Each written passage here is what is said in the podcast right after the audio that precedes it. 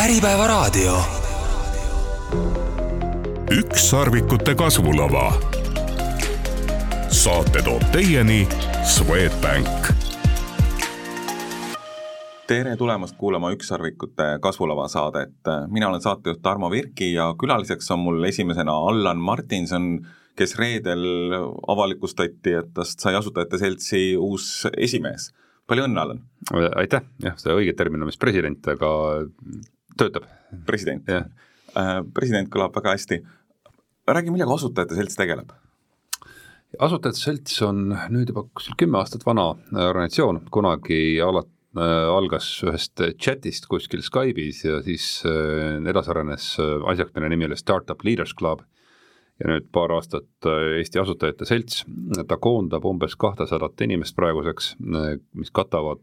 ma arvan, noh, umbes kaks kolmandikku Eesti sellist startup või iduettevõtluse käibest või majanduslikust jalajäljest, et hästi paljud inimesed on seal koos. Ja mida me teeme, on laias laastus võib-olla kaks asja, et üks on see, et me aitame oma liikmetel ja liikmete firmadel paremini toime tulla, edukamad olla. ehk siis noh, väga palju on sellist sisemist toetust, üksteisele parima praktika jagamist, meil on seal väike oma talendibörs, kui inimesi jääb üle või puudu üritusi, webinare, meet-up'e, jagame auhindu koos siin teiste tööstusharu osalistega. et ühesõnaga, see on niisugune sisemine töö siis tööstusharu sees. Ja teine on siis, siis kogu selle tööstusharu esindamine riigiga suheldes, et me oleme praeguseks umbes kolm protsenti Eesti SKP-st ja kõige kiiremini kasvav majandusharu ja loomulikult on ka riigil vaja seda kedagi, kellega dialoogi pidada ja kellega rääkida, kuhu see kõik võiks edasi minna. nii et noh, me oleme, me ei ole otseselt tööstusharu liit, sest meie liikmed on inimesed, mitte ettevõtted, aga me oleme kõige lähemal sellele, et olla tööstusharu liit äh,. Jõuame riigi juurde ka kindlasti, aga sellest esimesest poolest reede õhtul ant-, anti auhindu üle, vaadati tagasi eelmisele aastale, vaadati natukene edasi järg-, uude aastasse või noh, sellesse aastasse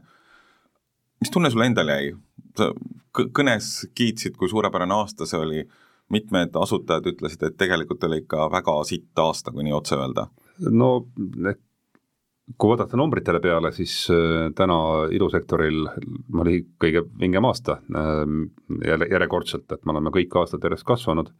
ja äh, praegu, kui kasutada siin noh, mingit andmestikku, näiteks on selline asi nagu noh, Super Angel viissada, mis on siis Eesti ühe riskikapitali firma poolt selline hoitav tabel, kus on umbes viiesaja ettevõtte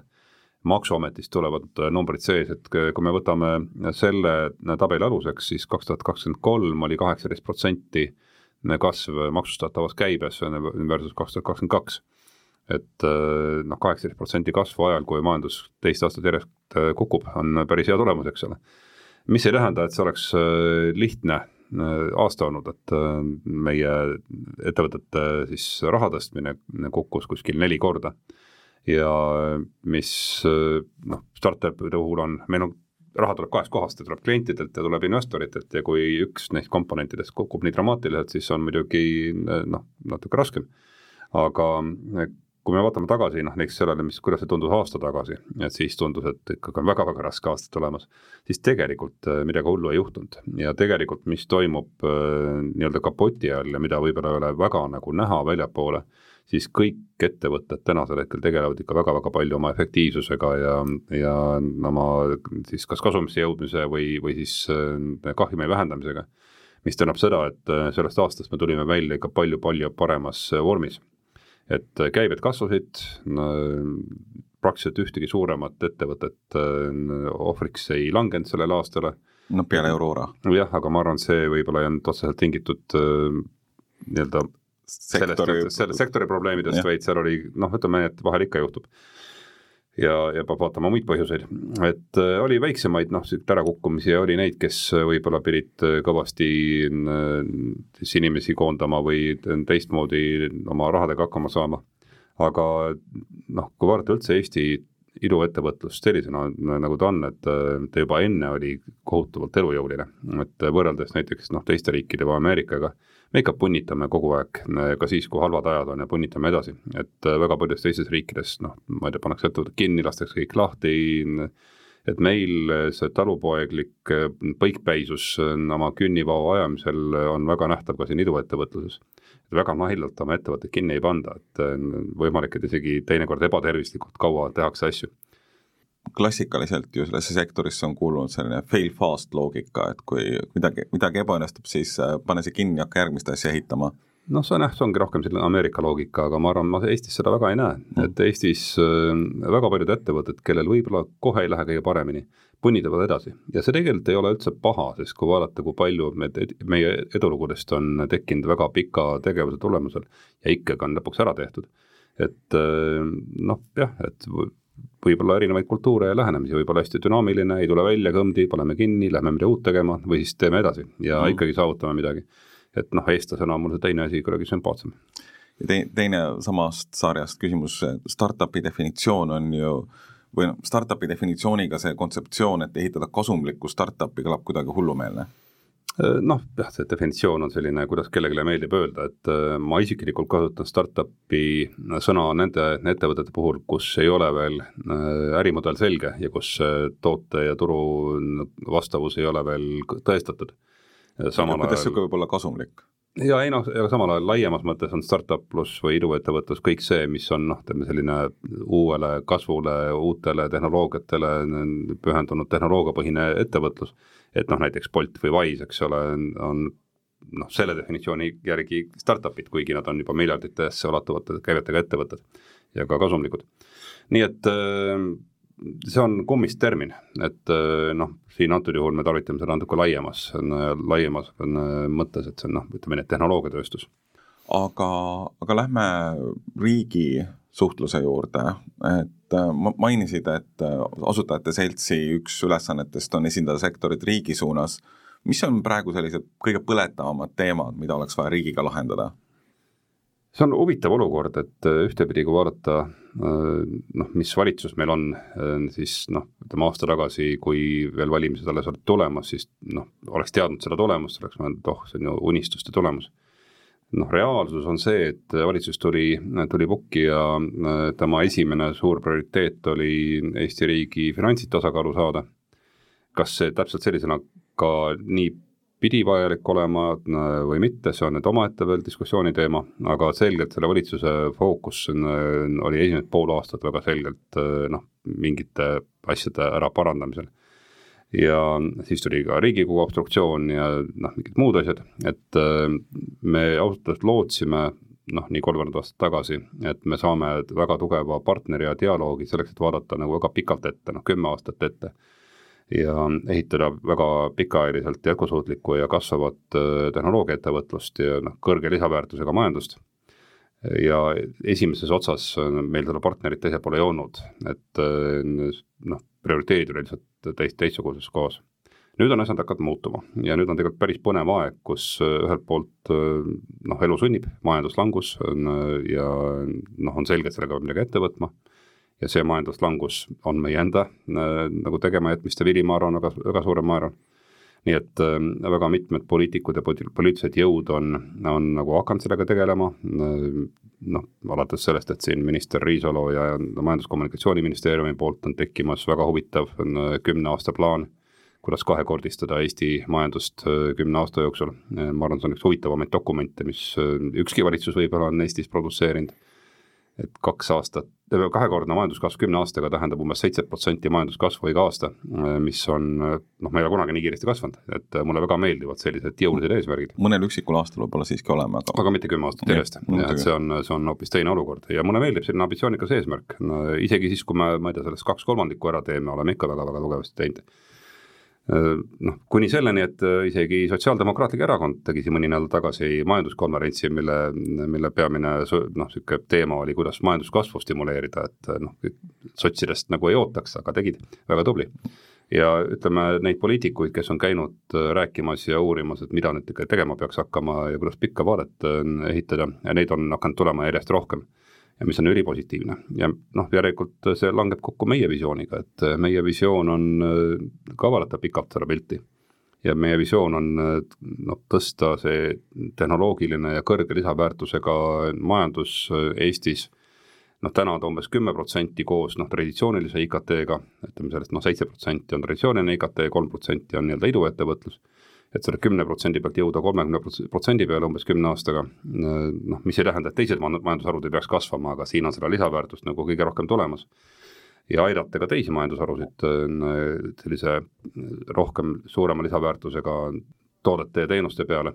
et see on nagu meie visioon ja noh, me usume, et see plaan peab olema pikaajaline ja see plaan peab olema ka, ma arvan, isegi koalitsioonide ülene, see peaks hõlmama ka opositsioone, sest eh, noh, kümne aasta jooksul valitsusi on vahetuda mitu, mitu korda, eks ju. nii et eh, jah, me üritame olla see jõud siis, kes eh, siin kaasa räägib. on mingisuguseid lisaks sellele pikale plaanile konkreetseid asju, mis laual on, mille, mis oleks vaja lahendada võib-olla kiiremini kui kümne aasta jooksul? No eks siin on palju asju, ma arvan, see kümne aasta need teemad ja ka lühiajalised teemad on tegelikult äh, väga sarnased, et äh, noh, mis nagu ettevõtluse äh, poolt vaadates on see, et ettevõtlus peaks olema võimalikult lihtne, võimalikult riigi koormiste vaba, noh, alustame, ma ei tea, aruandlusest ja kõikvõimalikest litsentseerimistest ja ma ei tea, tõkenditest ja kõigest muust, et seal on meil palju teha ettevõtlus vajab talenti, et äh, täna Eestis on tööjõu probleem kõikides majandusharudes, on äh, meie äh, sektoris, noh iduettevõtluses on tänasel hetkel tööl umbes kaksteist tuhat inimest ja neist umbes kolm-neli tuhat on siis välistalendid. Ja me eeldame, et me peaksime kasvama siit kuskile noh, kümnetesse tuhandetesse ikkagi juurde lähema, lähemate aastate jooksul mis tähendab seda, et need inimesed peavad kuskilt tulema, kas koolist, kust ei tule piisavalt, teistest majandusharudest, kus võib natukene tulla, või siis ka välismaalt. et äh, meil peaks olema meie arvates proaktiivne äh, tarkade inimeste sissetoomise poliitika, see tähendab, et on vaja kapitali, äh, noh kapitali nii siis erakapitali mõttes, mis tänasel hetkel on natuke pelglik meie piiririigi staatuse mõttes siia tulemiseks aga ka riik äh, on panustanud äh, läbi erinevate instrumentide, kas siis äh, läbi fondifondide või siis ka otsetoetuste ja EAS-i ja nii edasi, sellesse valdkonda, see jätkub, aga see peab olema tõesti ka kokku lepitud, see jätkusuutlikult jätkub ka edaspidi, sellel on oma väga tugev katalüseeriv mõju olnud. nii et noh, jah, kui vaadata nagu neid asju, mina kogu aeg võrdlen seda sellise supi keetmisega, et selleks, et head suppi saata, saada, peab sul olema õiged äh, toiduained ja selleks, et saada head sellist äh, kõrgväärtusega majandussuppi, peab sinna sisse segama siis tõesti terve hulga asju, nagu näiteks ettevõtjaid, uusi ettevõtteid peab tekkima, peab olema ka talent, et äh, see peab kuskilt tulema ja see on ilmselt riigi ja erasektori koostöös. Äh, seal peab olema kapital, äh, seal peab olema ligipääs turgudele, noh kuni selleni välja, et kas lenn-, lennuk lendab või mitte, eks ole. ja kui sa kõik selle nagu kokku segad ühte potti ja natukene segad, siis, äh, siis tavaliselt tuleb ka tulemust välja ja siiamaani on see päris hästi õnnestunud ja me peame seda jätkama. üks uus komponent selles supis, meil ei ole varem olnud eriti kaitsetööstuseidusid nüüd mainisid ka piiririigi, piiririigi rolli ja Eesti ja Ukraina tihedas koostöös, kuidas seda kaitsesektori idude kasvu näed?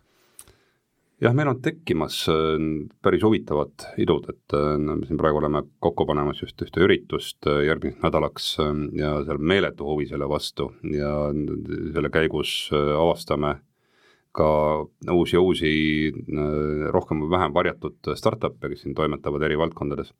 et selles mõttes midagi kindlasti toimib ja toimub ja see on hästi tihti ka sellist alt üles äh, tulev äh, initsiatiiv, väga palju seotud Ukrainaga, väga on palju seotud seal näiteks droonitehnoloogiatega, antidroonitehnoloogiatega ja nii edasi. ja arusaadavatel põhjustel see võib-olla ei ole kõige nähtavam äh, majandusharu, aga meil toimub huvitavaid asju, aga siin kindlasti saaks asi minna kümme või sada korda suuremaks, et meil on päris head eeldused, meil on olemas äh, tehnoloogilised komponendid, äh, meil on päris palju inimesi, kes on ikkagi aastakümneid nüüd tegutsenud tehnoloogiate vallas ja, ja saavad üsna kiiresti lülituda äh, sellesse valdkonda. meil on vajadus, et olles siin, kus me oleme, meil kindlasti on seda kraami vaja ja väga tervitatav oleks, kui see oleks kodumaine, meil on väga tugevad sidemed Ukrainaga, mis on noh, tänasel hetkel ka noh, nii kaitsetööstuse turg kui ka, kui ka testplats ja äh, ma arvan, me oleme hästi positsioneeritud. ja mul on tunne, et üsna palju on ka tahet ja tahet nii ettevõtjate kui ka investorite poolt, ka nende poolt, kes on olnud ettevõtjad ja ja saanud juba piisavalt rikkaks, et järgmisesse asja investeerida, et praegu see sõna defense tech ja miltech nagu kõikvõimalikes jutuajamistes, ma arvan, et on üks domineerivamaid sõnu, et no võtab natuke aega, aga ma olen kindel, et siin tekib väga huvitavaid asju. reede õhtul Asutajate Seltsi või Asutajate Seltsis siis Eesti parimate startup'ide auhindade jagamisel laval olid kolm presidenti, kaks Asutajate Seltsi presidenti ja riigi president ja Kai-, Kaidi siis lahkuv president palus teil unistada. Aga kui, ärme unistamisest räägi, et ärme liiga kaugele vaata, vaataks ainult sellesse aastasse mm. -hmm. kuidas sa näed, et kahekümne neljandal aastal see sektor areneb meil? no ma olen alati olnud tehnooptimist ja mm, ma ei ole siiamaani väga veel äh, pidanud pettuma ja ma arvan, et kui kakskümmend kolm oli raske, kuid siiski rekordiaasta, siis kakskümmend neli tuleb natukene kergem ja järjekordse rekordiaasta, et äh, noh, kui nüüd jätta kõrvale kõikvõimalikud äh, geopoliitilised kat-, kataklüsmid, mis ei ole meie kontrolli all, siis kui eeldame, et keskkond jääb stabiilseks, siis sellisel juhul äh, ma usun küll, et äh, esiteks me näeme uute ettevõtete tekkimist ka vaadata eelmist aastat, et uute ettevõtete tekitamine ei, ei, asutamine ei jäänud hetkekski seisma, et ta võib-olla on natukene vähem, et kui muidu oli umbes kakssada viiskümmend uut ettevõtet aastas nii-öelda, kes läksid sinna iduettevõtte staatusesse, võib-olla eelmine aasta oli kuskil noh, sada viiskümmend, sada seitsekümmend, aga ta jätkuvalt oli. ja ma arvan, me tuleme endise tempo juurde tagasi, ma usun, et ettevõtted kasvavad, mis on kõige tähtsam, et noh, eelmine aasta seesama Maksuameti andmestik nende viiesaja ettevõtte peale kokku näitas kaks koma üheksa miljardit äh, eurot käivet, eks ole, või maksustatavat käivet. et äh, noh, ma sügavalt loodan, et meie kasv on suurem kui kaheksateist protsenti, et tuleme tagasi sinna kolmekümne, neljakümne, viiekümne protsendi kasvu juurde ja ma väga loodan ka, et ei ole nagu suuremaid äh, kataklüsme siin, äh, noh, keegi ära kukuks äh, rahastuse mitte pealesaamise mõttes. Et eelmine aasta jah, ei olnud nagu kõige rasvasem rahastusaasta, ma arvan, see aasta peaks tulema torts parem, et äh, aga noh, jah, hoiame siin kõvasti pöialt. uute ettevõtete sündimine on suhteliselt selline väljaspoolt vaadata veidikene müstiline ma kuulsin kuskil hiljuti numbrit, et eelmisel aastal asutati viis süvatehnoloogia idufirmat, minu jaoks oli täiesti šokeeriv. see oli Startup Estonialt tuli see number. ei, ma arvan, et neid oli oluliselt rohkem, lihtsalt noh, seal on ka omad tehnilised põhjused, et kuidas need ettevõtted jõuavad lõpuks sinna mingitesse andmebaasidesse et kui võtta sama Startup Estonia andmebaas, siis tavaliselt ette, ettevõtted jõuavad sinna ikkagi noh, mingi pooleteist, kahe, kaheaastase viivitusega, sest nad ilmuvad kuidagi sinna noh, ekraanile, nad, siis kui nad on midagi juba teinud mm. ja siis need kantakse nagu tagumise kuupäevaga, mitte tagumise kuupäevaga, kantakse andmebaasi, aga nad on asutatud juba varem. Et me just tegime seda analüüsi ja sellepärast, et Startup Estonia andmebaas näitab asju õieti, aga noh, väikse viit, viitega. Mm. Ja noh, ma küll nagu kuulen ja näen nagu natuke rohkemast kui, kui viiest süvatehnoloogia ettevõttest. jah, et see noh, vajab vaatamist, kust see number tuleb, aga ma olen kindlasti kuulnud rohkemast kui viiest ettevõttest. Mm.. aga jah, et asutamine noh, kui meil oli nagu tavalistel aastatel mingi kakssada, kakssada viiskümmend uut ettevõtet, igal ettevõttel tavaliselt on kaks-kolm asutajat, mis tähendab seda, et noh, mingisugune ligi tuhat inimest äh, iga aasta siis asutas midagi. Ja võib-olla veel mitu tuhat mõtles selle peale. Ja kust need inimesed tulevad, noh väga tihti nad tulevad, äh, nad on sellised nagu teise või kolmanda ringi ettevõtjad, kes on kuskilt töötanud juba noh, mõnes suuremas ettevõttes saanud need tuleristsed ja kogemuse ja nüüd lähevad oma asju tegema. Et äh, noh, see jääb jätkuma, siin ei ole mingit küsimust ja tulevad ka uued asutajad täiesti uutest keskkondadest, koolipingist või ma ei tea, akadeemilisest keskkonnast. või välismaalt. ja välismaalt äh, noh, näiteks võtame sama startup viisa ja võtame, ma ei tea e, e-residentsus näiteks, noh e, e-residendid iga kuu teevad umbes nelisada ettevõtet, ei ole see kuhugi ära kukkunud. nii et eh, noh, ma olen jätkuvalt optimistlik, et neid asutajaid tuleb ja ma julgustaks kõiki, et tänasel hetkel on kõige huvitavam aeg, millal üldse midagi asutada, sest eh, noh, praegu on kõige odavam mingeid asju ära teha, võrreldes sellega, mida oli vaja kümme aastat tagasi näiteks. Et äh, kunstiintellekt teeb väga palju asju ära su eest ja sa võid äh, pilveteenuseid kasutada ja sa võid kasutada noh, sisse ostetud äh, võib-olla kontraktoreid mingites rollides ja ehitada globaalseid firmasid ilma, et sul kontoritki oleks, nii et noh, tegelikult tänasel hetkel midagi nullist, nullist üheni ehitada nii-öelda on kõigegi lihtsam ja tihtipeale on vaja lihtsalt jalad tagumikult ära võtta ja diivanilt püsti tõusta või siis noh, oma kontori tugitoolilt ja hakata tegema või noh, vahetevahel saab seda asja teha sealt äh, diivanilt või tugitoolilt edasi, avad lihtsalt arvutis üles. no täpselt, jah. Äh, üks viim-, viimase aja kildusid, mida ma kuskilt lugesin, oli, et äh, ei ole väga kaugel, kui me näeme ühe, ühe mehe ükssarvikuid tänu tehisintellektile. noh, ma arvan, et need on ükssarvikute, üks, ükssarvikute hulgas, sest ma isegi arvan, et võib-olla tõenäosem on mitte ühe mehe ükssarvikut, vaid null mehe ükssarvikut võib-olla, et tehisintellekt teeb esimese ükssarviku ise ära, ilma et meil inimest üldse vaja oleks. et see üks inimene võib-olla koristab seal tolmu selle tehisintellekti pealt. aga kui reaalselt rääkida, siis ma ikkagi usun, et kui me teeme ükssarvikuid, siis noh, seal on siiski inimest vaja erinevates rollides ja need rollid võivad olla teistsugused võrreldes sellega, mis nad võib-olla olid varem. noh, võib-olla customer support'is ei pea olema tuhat inimest, eks ole, aga noh, ma jätkuvalt arvan, et inimesel on oma roll ja sümbioosis kunstliku intellektiga me saame, saame võib-olla olla efektiivsemad, aga päris ma inimest maha ei kannaks. tehnooptimismis siiski jääb inimesele ka roll? jah, lihtsalt see roll muutub. just äh,, edukat äh, presidendiaastat sulle, Allan! aitäh sulle! küll teine saatekülaline on mul Mikk Plakk idufirmast Paultech. räägi, millega Paultech tegeleb Äh, tere kõigile ja väga tore siin olla ja Bautech tegeleb siis sellise põllumajanduslahenduse pakkumisega,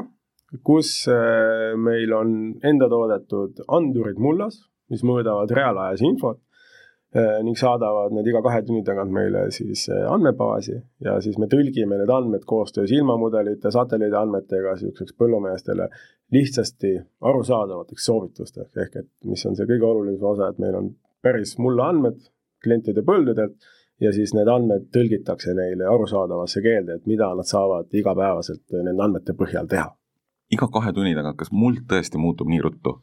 Äh, jaa, tegelikult küll, et see ongi juba niisugune ajapikku saavutatud niisugune äh, optimaalne vahemik, et oleme proovinud siin tund aega, oleme noh, talvel tegelikult me mõõdame nelja tunni tagant, kuna seal see dünaamika on väiksem, aga tõesti, kui ikkagi aktiivsel kasvu ajal need muutused toimuvad ikkagi võrdlemisi kiiresti, et kui sul tuleb vihmasadu, siis tegelikult noh, see kahe tunni vahel võib sul see olukord mullas ikkagi väga, väga drastiliselt muutuda. kuidas sellise ideeni jõuti? see on nüüd selline pikem lugu natuke, aga noh, lühidalt rääkides, siis äh, minu isa on siis noh, ütleme võib-olla veel tagasi minnes isegi, et vanaisa Paul, mille järgi siis ka ettevõtte nimi on Paul Plak, siis tema on TTÜ tehnik, elektroonika või elektroonikakateedri asutaja kuuekümnendatel umbes, ma võin siin natukene mingi asjaga eksida. ja siis tema on välja mõelnud niisuguse metodoloogia, kuidas siis teostada mingisuguseid elektrilisi mõõtmisi ja minu isa Tiit siis, kes on ka Baltici üks kaasasutajatest,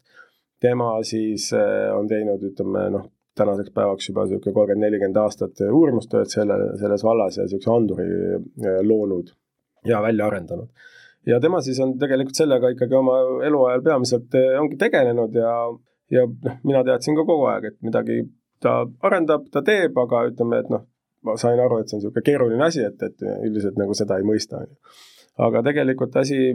lahenes nagu niipidi, et äh, minu abikaasa Eve siis, kui meil oli esimene laps, siis me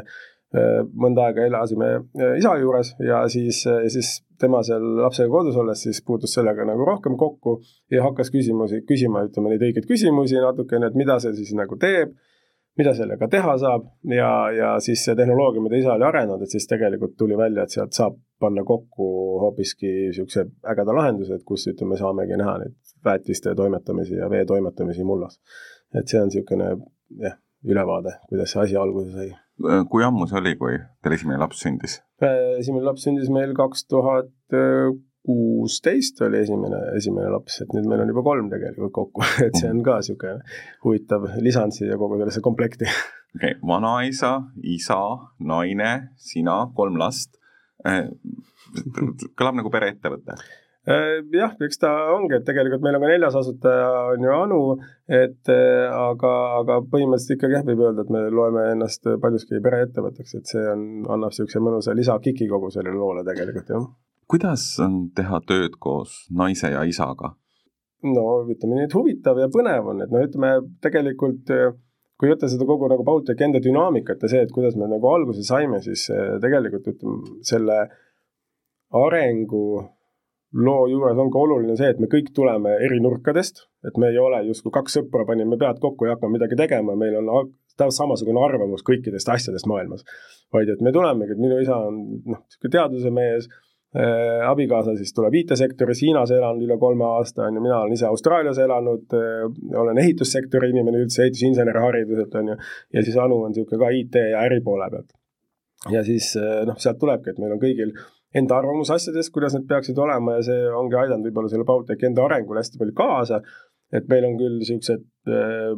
vaidlused asjade osas, aga me alati lõpuks me teame, et me teenime nagu ühte eesmärki, et me teame, kuhu me saavutada või mida me saavutada soovime ja kuhu me jõuda tahame. ja see on siis see, mis tegelikult seda kokku äh, hästi paneb, et ütleme, esimeses kiirendis, kus me kaks tuhat kakskümmend olime Lätis, siis seal oligi, et noh, need, kes meid sinna kutsusid, oli noh, skeptiline, et pereettevõte, see on ka investori maailmas niisugune võib-olla väga punane lipp, on ju, aga et siis noh, Nad olid seal neli kuud, käisime neil kiirendis seal korra kuus, ühe nädala olime Lätis. ja siis nende nagu tagasiside lõpuks oligi, et see on nagu väga äge on vaadata seda dünaamikat, et me jah, meil on elavad vaidlused, aga alati me jõuame lõpuks konsensusele ja me teeme nagu parima otsuse ettevõtte huvides mm.. kirjand oli Buildit? kuidas? mis kirjand see oli, Buildit? ei olnud, see oli Overkilli enda okay. kirjand, niisugune väiksem Läti investeerimisfond, et kes meid siis eh, kutsus, et noh, seal oligi tegelikult see, kuidas nagu asi edasi arenes, et on ju, kui me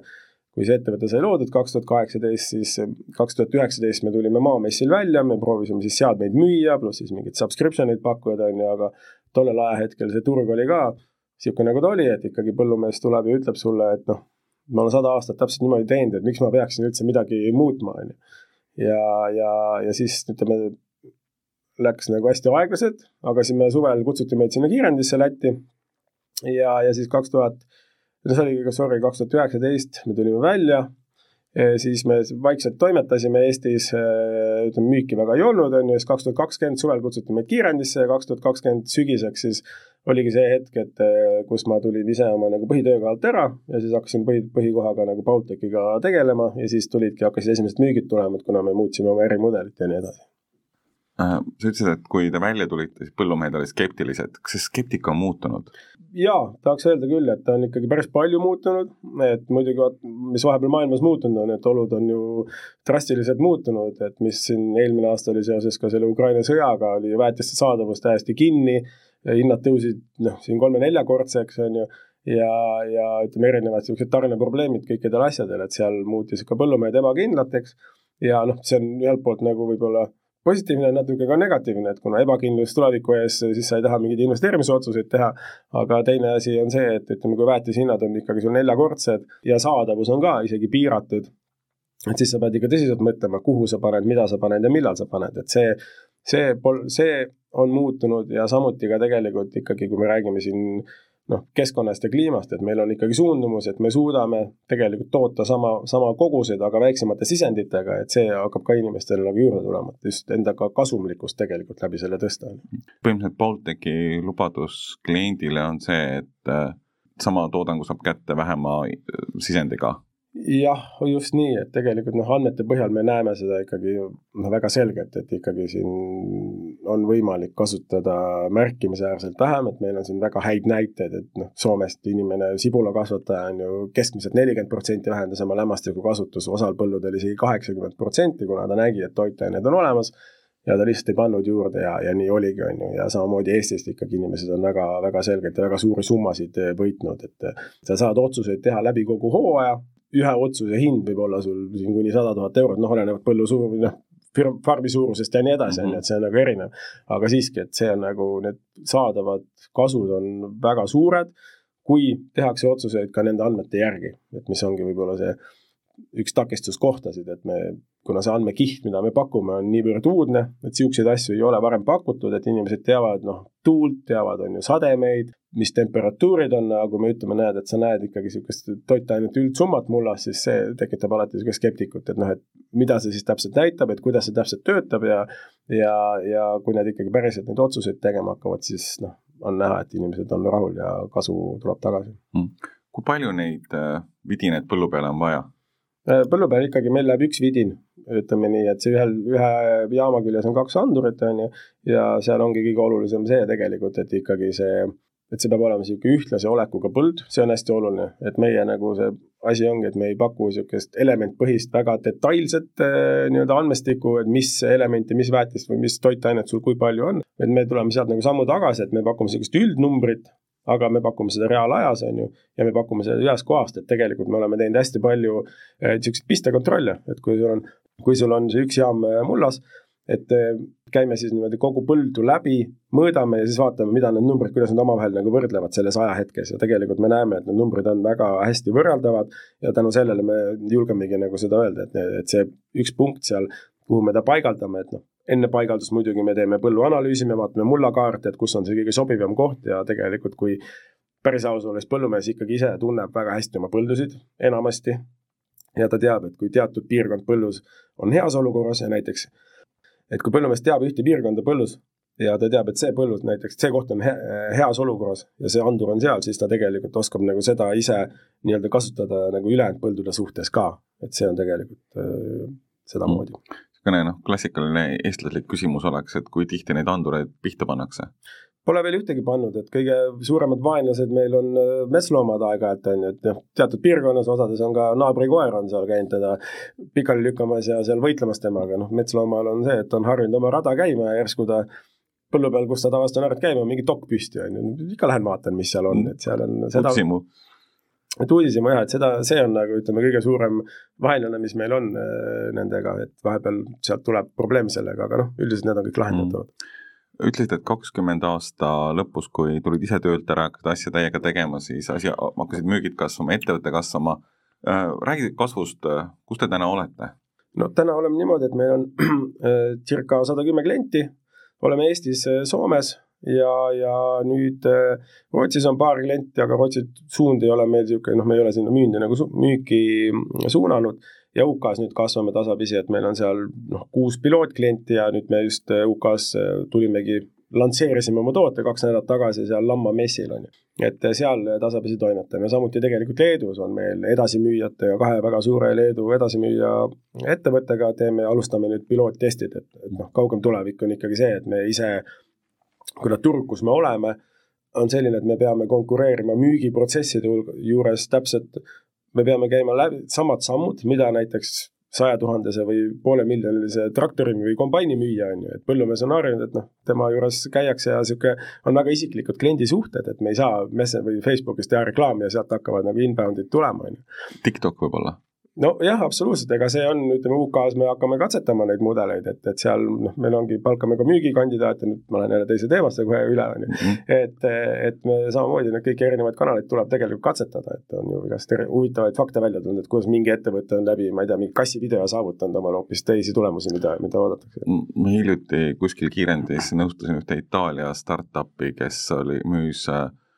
midagi sarnast äh, samas sektoris kui teie viin, nendele veini kas-, veiniistandustele mm. ja põhiline müügikanal oli Itaalias TikTok. mul jäi endal küll suu lahti, et nagu minu ettekujutus, äh, ma ei tea, veiniistanduste omanikest ei ole, et nad veedavad oma päevad TikTokis, aga noh, olgem ausad, ma ei tunne veiniistanduste kasutajaid, kasvatajaid, ma olen ainult nagu ja, no, ettekujutuste põhjal siin teen järeldusi. no täpselt, ega see tulebki tegelikult katsetada erinevaid, et see mis ongi nagu hästi oluline ka ütleme seda ettevõtet ehitades, et sa võid ise arvata, et ma tean sellest või sellest, kuigi noh, tegelikult ei ole nagu nende alade ekspert, siis arvad, et aga minu arust võiks ju see töötada niimoodi. aga tegelikult need asjad võivad olla hoopis teistmoodi, et tuleb olla, ütleme, julgus katsetada, proovida, nõu küsida, kõike see on nagu hästi-hästi oluline siin ja siis muidugi sellest saadud nõust selekteerida seda, mida kasutada, et see on ka hästi-hästi oluline. loomulikult pärast seda Overkilli kiirendit äh,, räägi, kuidas see startup'i ehitamise pool, olete kaasanud kapitali, ma tean, eelmine aasta natukene rohkem, vahepeal veel või? jah, kaks tuhat kakskümmend üks, ütleme seal kakskümmend Overkillis me saimegi esimesed nelikümmend tuhat, mis siis nagu soodustas minu otsust tulla oma igapäeva mugavast positsioonist ära ja hakata sellega tegelema ja siis kakskümmend üks kevadel siis ütleme, Overkill pani sada kaheksakümmend tuhat nagu follow-on investment ja siis me sealt Eesti inglitelt äh, saime üks kaheksakümmend tuhat äh, juurde, Eesti ja Rootsi inglitelt. -hmm. ja, ja siis äh, nüüd, nüüd see suvi siis on ju, tõstsime üks koma neli miljonit juurde. et see noh, ettevõtte e-, ehitamine peale kahekümne esimese aasta kevade ringi on ikkagi, ütleme, väga väikse meeskonnaga,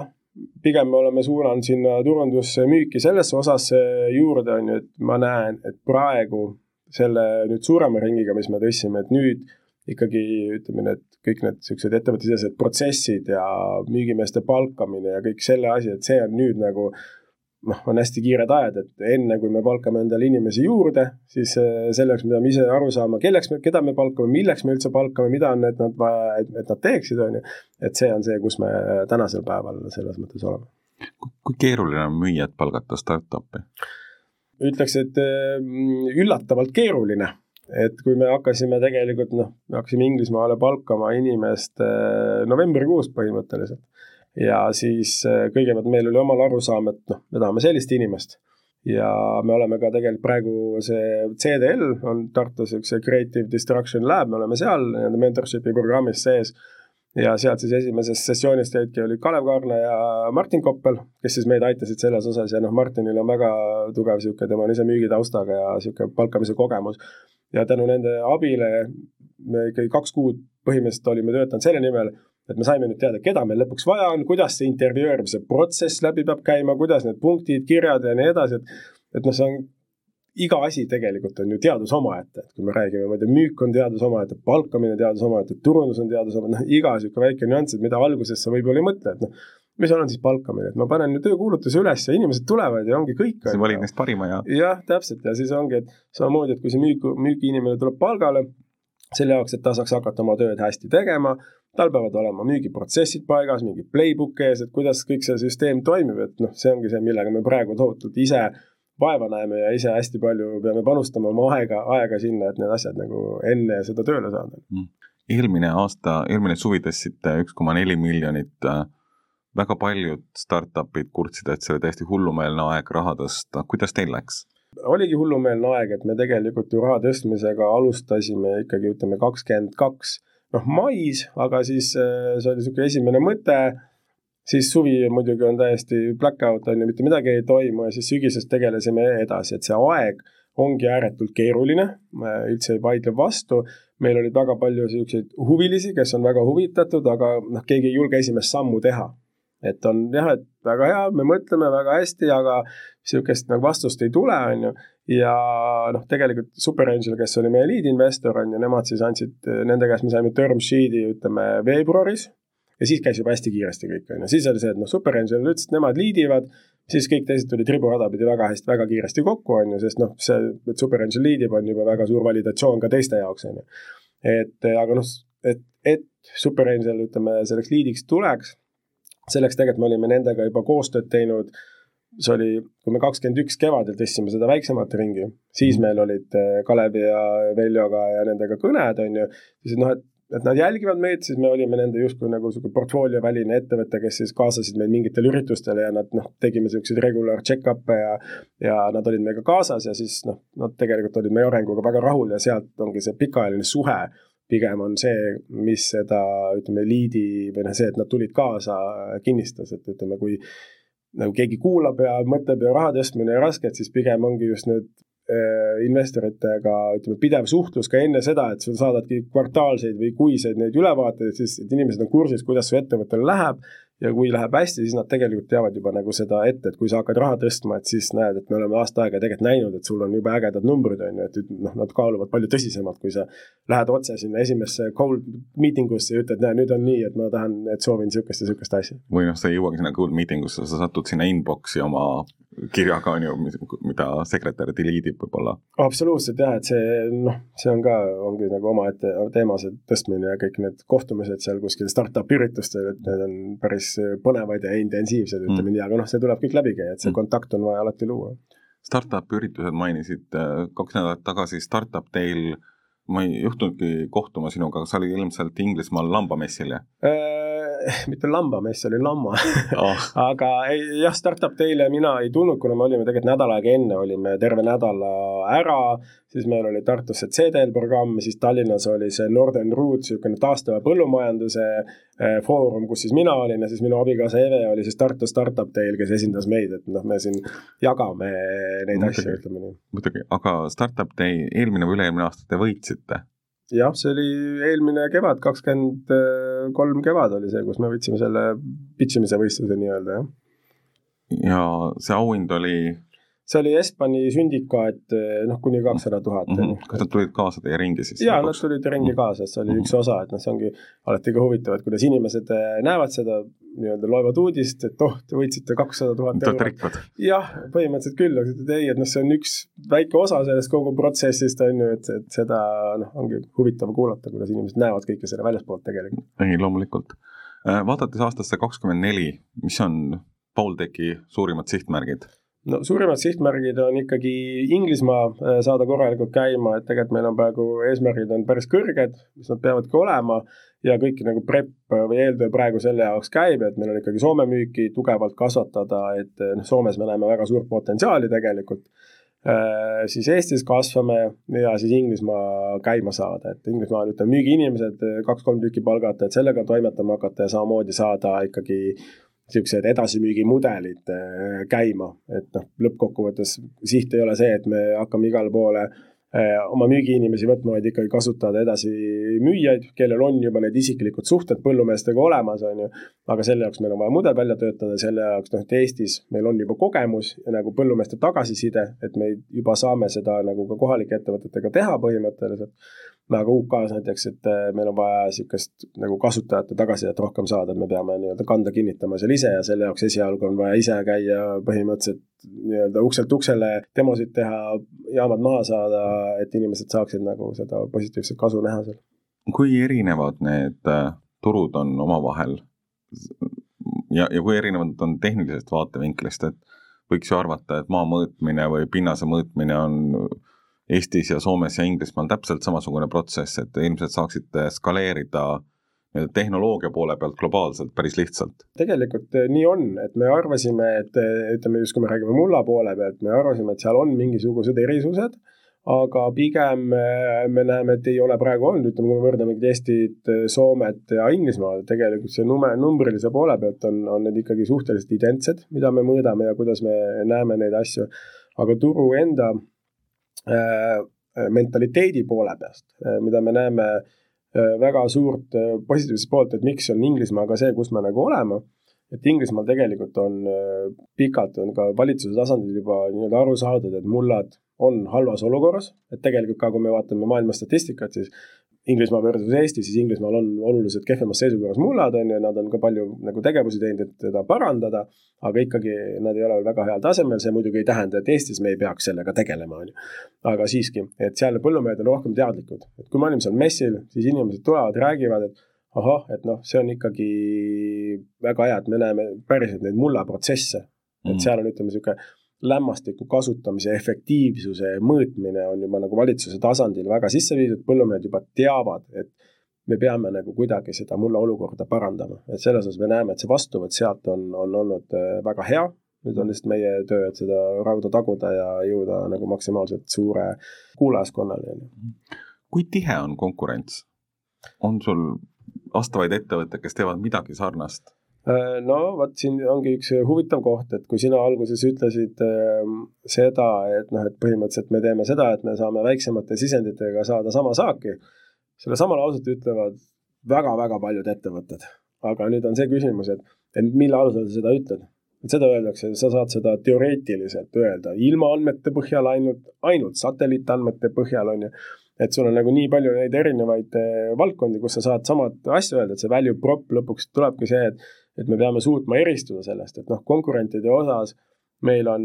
noh, põllumehed peavad konkurentiks meil ilmajaamasid, mis tegelikult ütleme, andmed on hoopis teised, on ju, samamoodi versus satelliit, et satelliit, sa saad nii-öelda säästa, aga sa saad põhimõtteliselt see sääst ei tule nii suur, sest sa laotad lihtsalt selle kogust ümber. et sa paned kuhugi rohkem ja kuhugi vähem, aga teil lõppkokkuvõttes põllutasandil sa paotad, sa laotad sisuliselt sama palju, et sa lihtsalt võib-olla võidad saagis kuskil mingil määral, on ju aga et noh, oluline faktor ongi see, et kuidas me suudame selles konkurentsis eristada seda, mida me tegelikult pakume, sest põllumehele ju ega me ei ole ainukesed, kes neile midagi nii-öelda müüa proovivad, on ju. et kõik proovivad ja kõik tulevad sisuliselt samasuguse alglausega, et kuule, sa saad säästa, pane kakskümmend protsenti vähem väestit ja saad samad, sama saagi, on ju. et see on nagu see kõige olulisem osa isegi, et sest noh, konkurente muidugi on, aga ongi see, et sellist lahendust, mida me pakume, põhimõtteliselt ikkagi ei ole äh, ei ole ka niisugust andurtehnoloogiat päris, mida me pakume ja just see, et kuidas need kõik kokku paketeerida ja need andmed äh, põllumehele hästi arusaadavaks teha, et see tõlkimise osa on, on ääretult oluline. edu teile sellel teel, tänud saatesse tulemast! aitäh!